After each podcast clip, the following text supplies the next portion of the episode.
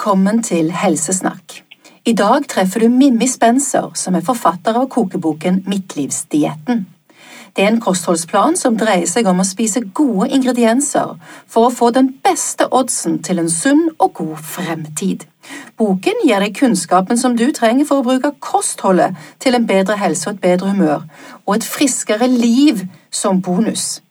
Mimmi har tidligere gitt ut de populære 5-2-dietten-bøkene sammen med Michael Mosley. Mimmi er bosatt litt utenfor London, så dette intervjuet det tar vi på telefonen, og i tillegg så blir det altså på engelsk. Hold deg fast. Welcome, Mimmi. Hello, how are you? I am good. How are you?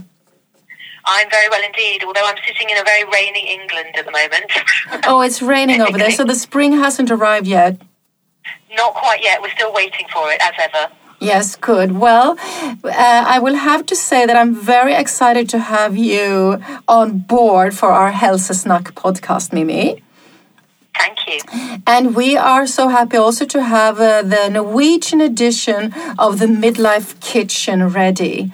And um, this is a book that you have written together with Sam Rice, and it's uh, it's health boosting recipes for midlife and beyond. That's right. So I wondered uh, if I can first ask you, Mimi, why did you want to write this book? Well, I think Sam and I knew that it was a book we needed to write because we got to a certain stage of our lives, we're both coming up to 50, and we recognised that certain things were changing. First of all, our health was a bit different to how it used to be. So we were certainly aging. Um, we were a little bit slower than we used to be. We perhaps lacked the energy we had in our youth. Uh, but also interesting subtle changes had happened. Our tastes for food had changed, our palates had changed. So we didn't want quite this stodgy carbohydrate driven food that we did when we were younger. We wanted uh, savoury foods, foods with layering and lots of flavour. Um, also, for both of us, our children were beginning to be independent. We didn't have to think as much about what they wanted to eat. We could start to think a bit more about what we really wanted to eat. Um, and also, we were subject, as we all are globally, to ever-changing health headlines. Uh, lots of noise around um, health, what you can do to benefit your health, what you shouldn't eat, what you should eat, and the trends towards things like detoxing and restriction and dropping food groups, uh, which I think is an international phenomenon. And so we wanted to really cut through that and to find the best possible advice for people of our age to future-proof ourselves against age-related disease. And we really recognise that, you know, this idea, we are what we eat, uh, which is a cliche, but it really matters. What you eat on a habitual daily basis can have a huge impact on your health going forward. So that really was the basis for coming up with the book. And it transpired that it was a passion project. It was something that we felt incredibly keenly about. Um, and the, the product is, is really kind of a, a book that examines all of those issues, hopefully in an easy to digest single tone. Yes, uh, I have to ask you, Mimi, what, what kind of uh, alarm bells did you hear ring when you got around 40, 45 or that Yeah, age? that's a really good question. Most people expect 40 to be the cutoff, at which point you suddenly start to feel middle aged. And I found a lot of my friends and associates, it happened around about mid 40s, like you say, a little bit later. So um, things. Well, there, there's a really obvious thing that happens. You look in the mirror one day, and it's your mother looking back at you, Okay. and it can come as a bit of a surprise. Um, you know, much as you might love your mother, you don't always expect to see, you know, maybe the, the slackening of the skin, the softening of the jaw, the wrinkles. So there's obvious beauty elements, skin, hair, but there were more subtle things too. So our digestion slows as we grow older, Yes. uh, our metabolism slows, and so you don't absorb the same uh, amount of nutrients from your food as you used to. So you have to eat more wisely, uh, and this might be uh, you might find this signified in perhaps a lack of energy, uh, perhaps in poor sleep, um, and, a, and a sort of general slowing down. And also, you know, you, you do metabolically you're going to put on weight in middle age if you eat the same quantity of calories as you did when you were younger. And it's that's, and I, and I have to ask you, I, I beg your pardon? I, I, said it's just one of those facts of life that we all have to deal with. I'm afraid. Right, and and when when talk about that, when you're putting on weight, because a lot of women, of course, and men, I guess, are uh, they don't want to put on weight unless you're that's what you're going for. Most people are thinking about weight loss, and you have said yeah, that right. you have said that eating in your 50s is no longer about eating for weight loss; it's about eating for health gain. Yeah, I think this is a really critical thing. I think culturally we're, we're um, so sewn into the idea of weight loss being the goal. And actually, you know, you don't want to be thin and fat. You want to be fit and healthy. And, you know, this book is all about health span, not lifespan. So we want to be as healthy for as long as possible. And it is a fact that typically in middle age we put on a kilo every four years due to our slow metabolism. So we do need to look at the, the calorie intake, but we most importantly need to look at the nature of the nutrition that we're getting from the food that we eat. And, you know, the, the book goes into detail about how you can do this, how you can uh, make your choices as beneficial as possible to guard against age-related disease. Uh, for one, I think also we should talk about uh, just what you say the, the need for more uh, of certain uh, food types. And according to your book, you say, for example, that when you get older, you need more lean protein. And, and I just would like you to give me a little bit uh, information about what exactly is it that I should do because people for people to understand that they can actually eat their way to a better health. It's as you said in That's the beginning. So well put, Layla. That is beautifully put. Eat your way to better health. If there was a signpost I could put on the front of this book, that would be it. Yeah. Um, when it comes to protein. Mm-hmm. The thing about protein is we, we require it. It helps guard against loss of muscle mass, which is something that happens as we age. It happens to us all. We also need it for cellular health. So what do we mean when we talk about lean protein? So there are great sources of protein which we should be eating. Vegetable proteins from legumes, beans, um, and uh, lean proteins, things like fish and shellfish. Uh, these have real benefits to us. Um, protein doesn't have to mean red meat, mm. and it shouldn't mean probably too much processed meat. Um, and one of our, our points in the book is that we don't say stop eating this. What we say is do eat that. Right. So it's not a kind of keep out sign; it's a welcome sign. Um, and one of our our real keys is to have diversity in what you eat. So don't be monotonal about it. Have a variety of things on your plate, and protein is a really important part of that as we age. And so, if you're a vegetarian, because you're talking about meat and we shouldn't have too much meat, and you say legumes and beans, uh, is it, uh, it, Will I get enough if I eat beans and uh, legumes or protein? Yeah, I mean, there's a difference between vegetarianism, pescatarianism, and veganism. Yes. Um, I think for vegans, it can be quite difficult to get enough protein. Um, soy is a really good source of it.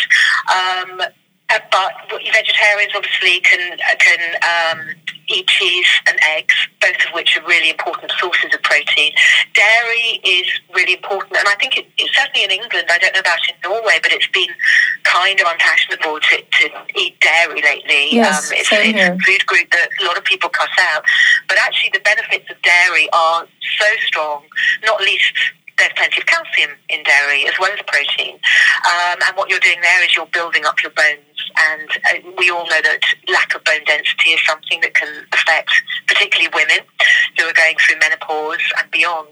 Um, so we need to keep up our calcium intake, and, and, having plenty of dairy is one way of doing that. Um, another way of doing it is to eat plenty of almonds and, exactly. and nuts because they also contain calcium too. Um, so I think it's a balancing act. I think you know the idea of not eating red meat is still open to um, understanding. Um, and really, you just need to. We, in, in, the book, we use red meat as more of a garnish. Right. Um, so you'll find recipes in the book that have a sirloin steak, but it would be one steak between four portions. So you use it as a garnish on a delicious roasted vegetable salad. Right. And that could be fantastic. And it's also a much cheaper way of cooking as well, of course. And also, when you talk about this, how you can share uh, one piece of, uh, for example, meat on, on more people's, because it's also about portions and the amount of calories that you put into your body. You actually, as you get older, also have to uh, take into consideration that your metabolism slows down, right?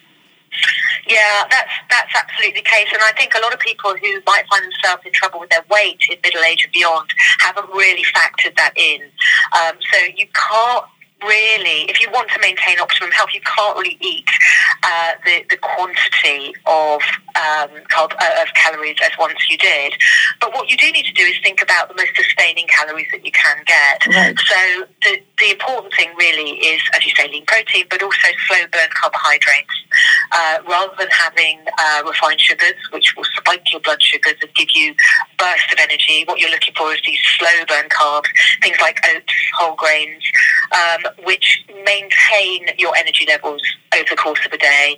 Um, and so in the book, there's plenty of really delicious, nourishing, sustaining recipes using whole grains and whole foods, which you find that you don't actually get hungry, so your calorie intake drops. So almost right. as an aside, it's almost as an, as, as an added bonus. And the slow burn carbs, as you say, that we should have a moderate quantity of when we uh, are uh, eating the midlife kitchen. So the slow burn carbs, they will also take care of our blood sugar balance, won't they? Yeah, I mean, if, you, if you're eating these slow burn carbs, it is a guard against type 2 diabetes. And in the UK and in the Western world more generally, of course, diabetes is one of the greatest threats um, to the nation's health. And right. it's something that the book looks at in quite some detail. And one of the things we look at is where you get your sweetness from. Um, and of course, this is highly linked to insulin sensitivity. Um, and what we've uh, developed is the idea of getting sugars from fruit sources rather than from refined uh, sources. So we use, for example, a lot of dates in our cooking. Mm-hmm. Dates are super sweet, um, but they come with the added bonus of being packed with soluble fibre. Um, they are full of vitamins and minerals and nutrients that you wouldn't get from a refined sugar product. Product, product. Um, and they taste delicious and they're sort of caramelly and gorgeous and really, really good to cook with. So I now do most of my baking with dates and date sugar. Um, so that's a, there, there, are simple ways of modifying and moderating your current diet to maximize the health benefits. Right, because as you said earlier, also, and what I've seen in the book, it's really about being more aware and to actually put nutrient to try to put your uh, food to be as nutrient dense as possible, isn't it? So, for example, Absolutely. so and, and I know that you also talk about uh, a lot about fat and the importance of fat. So even though we don't want to splurge too much with calories, we actually need to put the right fat into the food we eat. What kind of fat yeah, is it that I mean, you recommend? Fat is so interesting because it's a sort of it's it's for a long time it's been a kind of bad word in mm. nutrition. You know, we've all been thinking for decades about low fat diets and actually um, you do need some fats in your diet, particularly as you're going through hormonal change. Mm. Um, and the, there are fats which are worth eating and fats that probably aren't worth eating. Some vitamins, for example, are fat soluble. So unless you're getting fats when you're eating those particular vitamins, they are not the, the, body is unable to absorb them. So, for example, you having a vinaigrette on your salad is a really good idea. So don't put the vinaigrette to one side because you're not going to get the benefit from the salad. Um, so Can you say that again about uh, the vinaigrette? That what did you just say about the vinaigrette? So certain certain vitamins yes. are fat soluble. So unless you have a fat with those vitamins, A, D, K specifically, mm-hmm. um, you're not getting the absorption of your body. So have a vinaigrette, have an oil-based vinaigrette right. on your salad. It, it is of benefit to you, particularly if you're using what we think is the best fat, which is olive oil. Right. Olive oil is kind of the is, a wonder is a, is a wonder source of um, heart protective omega threes, and you know, we use it in abundance. You don't have to use a hugely expensive one. It can be, you know, just a run of the mill from the supermarket. Um, the only thing olive oil isn't particularly good for is cooking at very high temperature. No. Um, we tend not to do too much shallow frying in the midlife kitchen, but if you wanted to do that, you could happily use a coconut oil for higher temperatures because that can withstand those high heats. But you tend to not um, cook your food in too high heat. Well, um, frying is is uh, not something that we do a lot. But some of the dishes we use a little bit, but we tend to use a spray. I don't know if you have these in Norway, but uh, you can use a, a coconut oil spray mm-hmm. or an olive oil, a light olive oil spray, and they're a really good way of cooking because you're minimising the amount of fat you're actually using in a dish. But what about when we talk about fat and the importance of fat in the midlife kitchen? Uh, what about omega three? Well, omega 3s are protective in so many ways, and they are good on a cellular level. They're fabulous for your heart. They're good for cholesterol. And that's the reason that olive oil seems to have won out in the battle of the fats and oils. Um, and it's also a huge part of the Mediterranean diet, which we know is established to be one of the healthiest diets that we know about. Um, and that's for several reasons. It has to do with uh, use of fresh produce, it has to do with plenty of tomatoes, but really the backbone of it is this fabulous olive oil. Right. So, so now we've talked about uh, the importance of more lean protein, a moderate quantity of slow burn carbs, um, fat in the right forms, which you say is olive oil, a little coconut oil, and then we have the gut-friendly probiotics that I know you talk about in the book. Can you tell me more about those?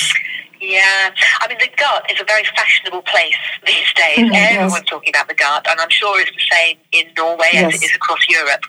Um, your gut is the seat of your immune function. It regulates your immunity, and it, we're also beginning to understand that the gut is kind of like a second brain. Um, it's incredibly important, and we sort of overlook it, um, and we overlook it at our cost. So there are two things that you, well, actually three things that you can do that would be really beneficial for your gut. One is to stay hydrated. So drink plenty of water. That's so easy, and so many of us forget to do that. Mm. But the uh, the two other things are to introduce prebiotics. So prebiotics are the soluble fiber that you find in things like beans and seeds and oats and root vegetables. And these are the fuel for the important bacteria that reside in your gut. And the, the bacteria are known as probiotics. And you find these in certain foods like uh, live yogurt, fermented foods, kimchi, things like that, um, sauerkraut. Uh, and these bacteria are, are the, the, the, things that keep your gut healthy. It's mm-hmm. like a garden, you know, you call it your gut biome. And if your gut is healthy, uh, you're more likely to be healthy overall. So you can, you can modify and moderate what you eat to benefit your gut. Right. Okay, uh, I think we got a lot of the most important things. We don't want to have too much uh, information in there because, again, we, as you said in the beginning, it's it's about keeping things simple and not add to the confusion, right? Uh, that's it. That's it. I mean, the whole point of the book is that everything's really tasty and really easy. Nothing takes more than about 15 minutes to prepare. All of the ingredients are really well known. They're familiar. They shouldn't be something that frightens you. Um, and you don't actually have to think about any of the science behind it. If you eat like this, you will gain benefit from it. Uh, you don't really need to go into it, although of course in the book you can read into it if you wanted to. Yes, and and for the for the end of our talk, Mimi, um, when it comes to hormonal shifts, so I just want to, the listener to go out with something that they can really take away with them uh, for the midlife kitchen when it comes to hormonal shifts. What is the number one or two things that you should add to your diet when you want to take care of or try to keep your hormonal shifts? Under control? That's such a good question. I mean, I think that, that most people entering this stage of life will notice hormonal shifts. Um, and there are ways that you can support hormone balance. That's what you're looking to do. So, two things. First of all, you can eat phytoestrogenic foods, phytoestrogenic foods, which is uh, plant sources of estrogens. So, things like leafy greens, uh, soy products, so tofu, mm-hmm. tempeh, um, flax seeds are really good. They're kind of crazy small little things, and yet uh, using flaxseed oil or having flaxseed perhaps in your porridge or in your uh, on your muesli in the morning uh, or sprinkled on yogurt. Uh, that's a really good way of getting uh, these uh, fantastic phytoestrogens, and there are other benefits too. You get fiber, you get good oils, and the other thing is good fats. So Right. we love an avocado Right. uh, lots of nuts, plenty of oily fish, and these will support that hormone balance when you go through these changes as you enter midlife. Wonderful. Thank you so much for the talk and for that you t- took the time, Mimi. And I, it's my pleasure. I am looking forward to cook more food from your book. So I will. I hope so. And I'm uh, sure that the Norwegian listeners will uh, have big benefits from your recipes. So thank you so much for taking the time. I hope so. And uh, thank you very much, Layla. Good to talk to you. Bye bye. Bye now. Take care.